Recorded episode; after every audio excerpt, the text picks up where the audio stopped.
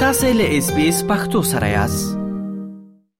د مې په نهمه نیټه کله چې د پاکستان د تحریک انصاف ګوند مشر او پخوانی صدر اعظم د پولیسو لخوا په یو قضیه کې ونیول شو نو له هغه وروسته د ګوند د پلویانو د لوري په ګرد هواد کې لوی د خړب پیښه رامخ ته شوې په لومړي ځل باندې په فوځي مرکزونو باندې بریدونه وشول او هلته کې ودانیو ته لوی زیان واړول شو که څه هم عمران خان له دې وروسته زر سترې محکمې د دوی د خوشې کدلو امر وکړو خو ولې بل لورې ته په ګرده هیواد کې لوی اړې ګړې را مخې ته شوې وو د تلفاتو نه وروسته مرکزي حکومت او د فوځي مشرانو یو لوی غونډه وشوه او په کې پریکړه وشوه چې کوم خلک په دغو یادو پیښو کې ککړ دي نو هغوی ته به سخته سزا ورکول کیږي او دا هر څه به د فوځي محکمو د لاندې د دې اورېدنه کولې شي. په خپله باندې د فوځ جرنېل عاصم منير د بېلا بېلو ښارونو سفرونه وکړل او هلته کې د شوو اتلافاتو نه خپل ځان خبر کړو. دوی په کلکه باندې دغه هر څه وغندل او په دې هکله يې د کلکو ګامونو اخستو امر هم وکړو. له دې وروسته په ګرده هېواد کې د تحريک انصاف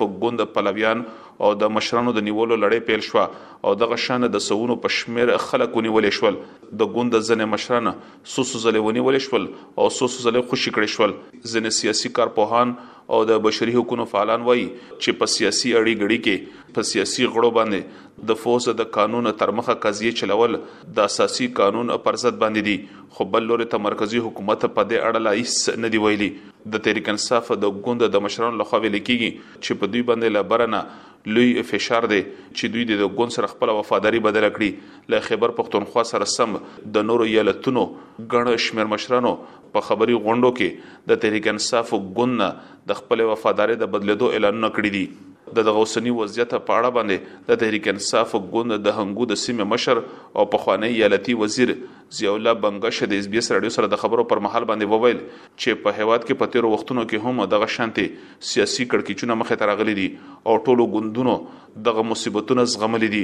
دوی وویل چې که څه هم پر اوس مهال باندې د ګوند ځینې مشرانو د ګوند سره خپلې لارې جلا کړې دي خو دا په دې مانا باندې دي چې په دوی باندې له بره نه لوی فشار دی او هم د دې له امله د ګوند د لورې دغه پریکړه شوې ده چې هیچا ته به هم سپکې سپورې نه ویل کیږي چې کوم خلک د ګوند نه لارې جلا کوي.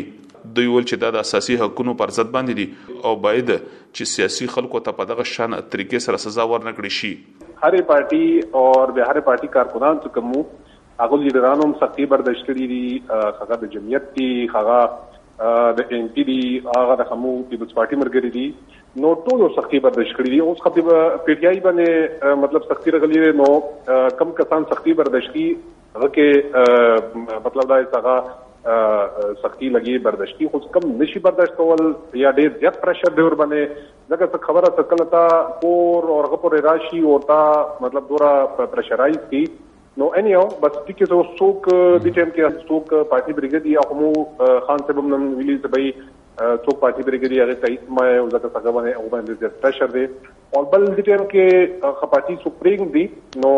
بس مو طرف نه وتا مطلب څه قسم لکه بدر د باد کیسه ور کې نشته وي ځکه ټول د پاتې دې ټیم کې ټول باندې سختی دي او پرشر کې دي او هر تړې څه کله پریس کانفرنس کې نو غاي سماک بغیر کسی دباو کې پارټي چھوڑ رہا ہوں نو غا ټول د پاتې څه کله څوک دا ټکیو کې بغیر کسی دباو کې نو غا ټول د پاتې څه قسم دباو دي کم تیر ماضی کوم تیر شوی دي د ټول پارټي او ماضی تیر شوی دي اور موجوده څه کوم ټایم روان دی د 9 مئی نه بعد څه کوم پاکستان کې کوم حالات جوړ شو نو چلو یو هغه جوړ شو پی ټی آی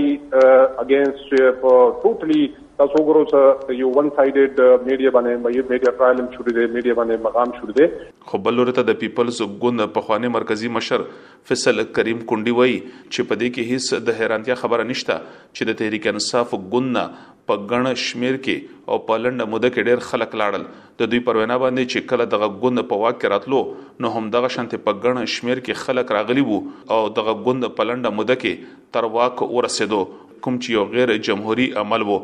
دوی دغه تور ولګولو چې ډیر دغه شانتي د پارلمان غړي وو چې عمران خان ورسره هیڅ پیژنګلو نه درلوده خو ول د بره طرف نه دغه خلک د دوی ګوند ته راوستل شول او دوی یې تر واکه ورسول. چې کومې طریقې سره پي ټي ته خلک راغلي وو هغې طریقې سره روان دي. هغه نه چلو چې جهانګیر ترین جهاز به یو پل الوتل او بل پل به الوتلو دا پته به نه لګیده چې څو کم زره روان دی غاټ کې به یې ورته مفلر اچولو ویل بس دا پي ټي اوس به زه ایمانداري سره ته وایم چې ما ته پوره یقین ده که هغه کس به دی په سبا باندې عمران خان سره مخامخ کړو په پېژندلو نه چې یاره واقعي دا نو پارټي ته راغلی دی وګورئ کوم سټایل سره خلک راغلي هغه سټایل سره چې دا سپیډ سره چې دا خلک روان دي اور پیپلز پارټي لا موږ هم همیشه ویل چې را موږ سره غوځو خلکو موږ پارټي داسې ورکران مو چې جا جدونه کټ کړی وو ځانونه سوزولې کوړې خورلې دي دوه مطلب ور چې را موږ ډېر جدوجه دا ازادي غواړو او په نو څه خبرې کوو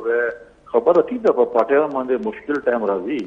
خو به د دا مشکل ټایم دی په ټینګ شي کنه به د مشکل ټایم کې د یو څور زه تیر کنه جیلو کې قانون کې دا خو پټه نو مې ټایم راځي هغه چې دا شی تاسو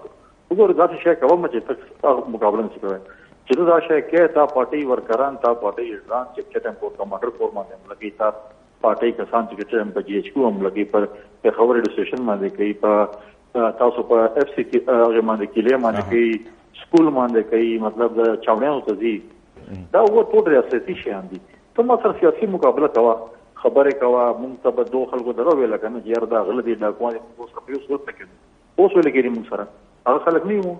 د دولت د لوري پریکړه شوې ده چې کوم خلک د هواد نه بهر په ټولنیزو رسنیو باندې بې اساسه معلومات خبروي او د دولت د ځنې پریکړو پر ضد باندې معلومات ورکوي نو د هغې پر ضد باندې به هم دلته کې په پاکستان کې عريضې کولې شي. دغه شان د خېبر پښتونخوا د پوليسو د مشر د فېسبوک د رسمي پاڼې نه دغه شانتې معلومات خپاره شوي دي چې په بهرني هېوادونو کې په ځينو خلکو باندې په دې برخه کې عريضې شوي دي خو بل لوري ته په ټولنيزه رسنيو باندې هم د ځينې سياسي غړو د لورې سخت ټکي کارول کېږي او په دولتي ادارو باندې نيوکې کېږي. پر اوس مهال باندې په پاکستان کې تحریک انصاف ګوند د لوی سیاسي مشکل سره مخامخ ده د ګوند په پلویانو او مشرانو باندې د پولیسو د لورې یو شمیر عارضې شوې دي دوی په یو قضیه کې د محکمې څخه ضمانت اخلي او په بل کې بیا نیول کیږي د ګوند مشران دغه سیاسي انتقام بولی او وایي چې دا د جمهوریت نظام پر ضد یو ګام دی بل لوري ته د پاکستان تحریک انصاف ګوند مشر او پخوانی صدر اعظم عمران خان او د هغه کورودانه